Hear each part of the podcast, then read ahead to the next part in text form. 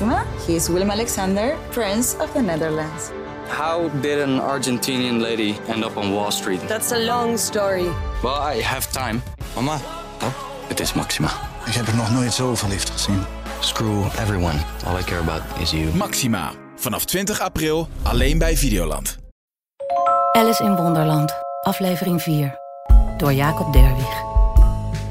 Alice stelt vast dat ze opnieuw is beginnen te krimpen. Hoe kan dat? Al gauw kreeg Alice in de gaten dat dit kwam door de waaier die ze vasthield. En ze liet hem haastig vallen, net op tijd om niet helemaal weg te krimpen. Dat was op het nippertje, zei Alice. Behoorlijk geschrokken door de plotse verandering, maar blij dat ze nog bestond. En nu naar de tuin.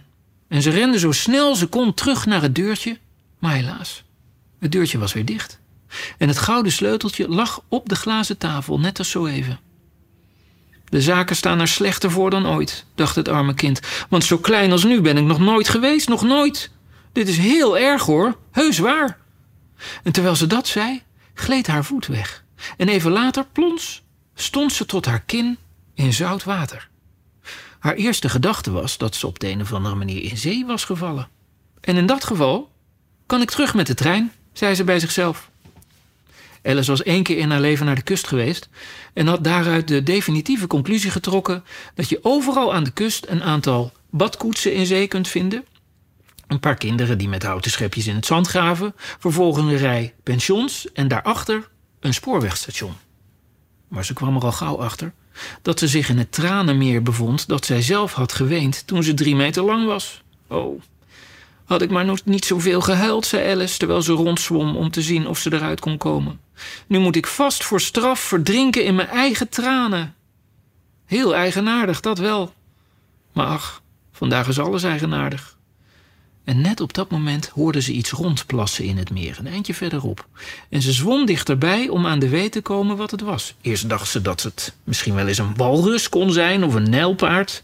Maar toen herinnerde ze zich hoe klein ze nu was. En al gauw kwam ze erachter dat het maar een muis was, net als zij, in het water gevallen. Zou het misschien zin hebben, dacht Alice, deze muis aan te spreken? Alles hier beneden is zo buitenissig dat het me niet zou verbazen als hij kon praten.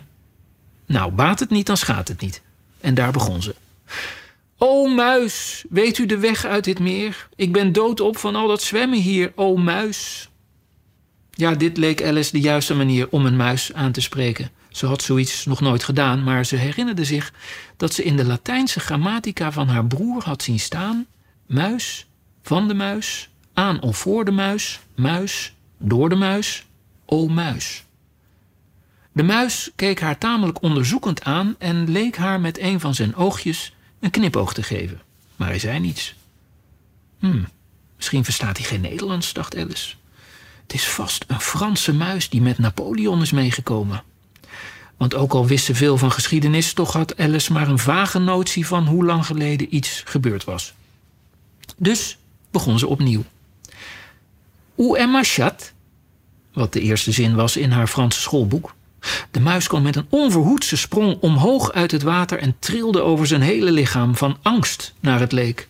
Oh, neemt u me niet kwalijk, riep Alice haastig, bang dat ze het arme dier gekwetst had. Ik was helemaal vergeten dat u niet van katten houdt. Niet van katten houdt? schreeuwde de muis met schrille, opgewonden stem. Zou jij van katten houden als je mij was? Nou, misschien niet, zei Alice op verzoenende toon. Wees maar niet boos. En toch wou ik dat ik u onze kat Dina kon laten zien. Ik geloof dat u weg zou zijn van katten als u haar maar eens zag. Het is zo'n lief, rustig beest, ging Alice voort, half in zichzelf, terwijl ze traag rondzwom in het meer. En ze zit zo lekker te spinnen bij de haard en haar pootjes te likken en haar gezicht te wassen. En ze is zo lekker zacht om vast te houden. En ze is goud waard als het om muizenvangen gaat. Oh, neemt u me niet kwalijk, riep Alice weer. Want zijn haren gingen nu recht overeind staan en ze was ervan overtuigd dat hij nu echt beledigd was.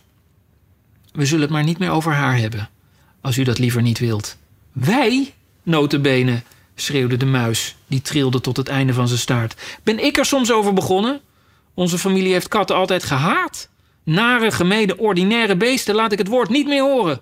Nee, ik zal het echt niet meer doen, zei Alice.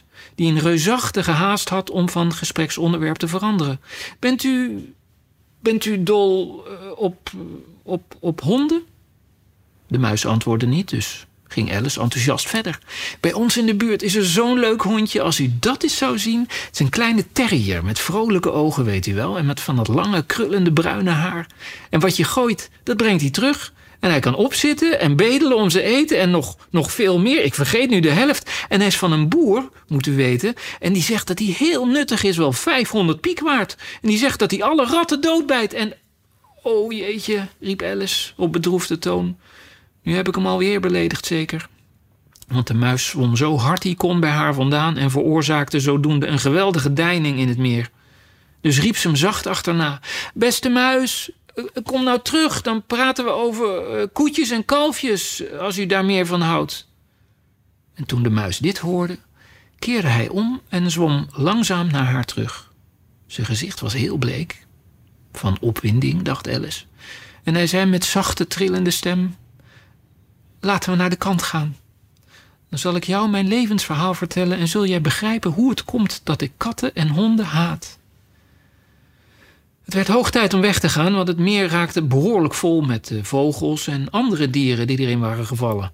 Er waren een eend en een dodo en een lorie en een adelaarsjong en verscheidene andere wonderlijke wezens. Alice ging voorop en het hele gezelschap zwom naar de kant. De volgende aflevering wordt gelezen door Marieke Hebink.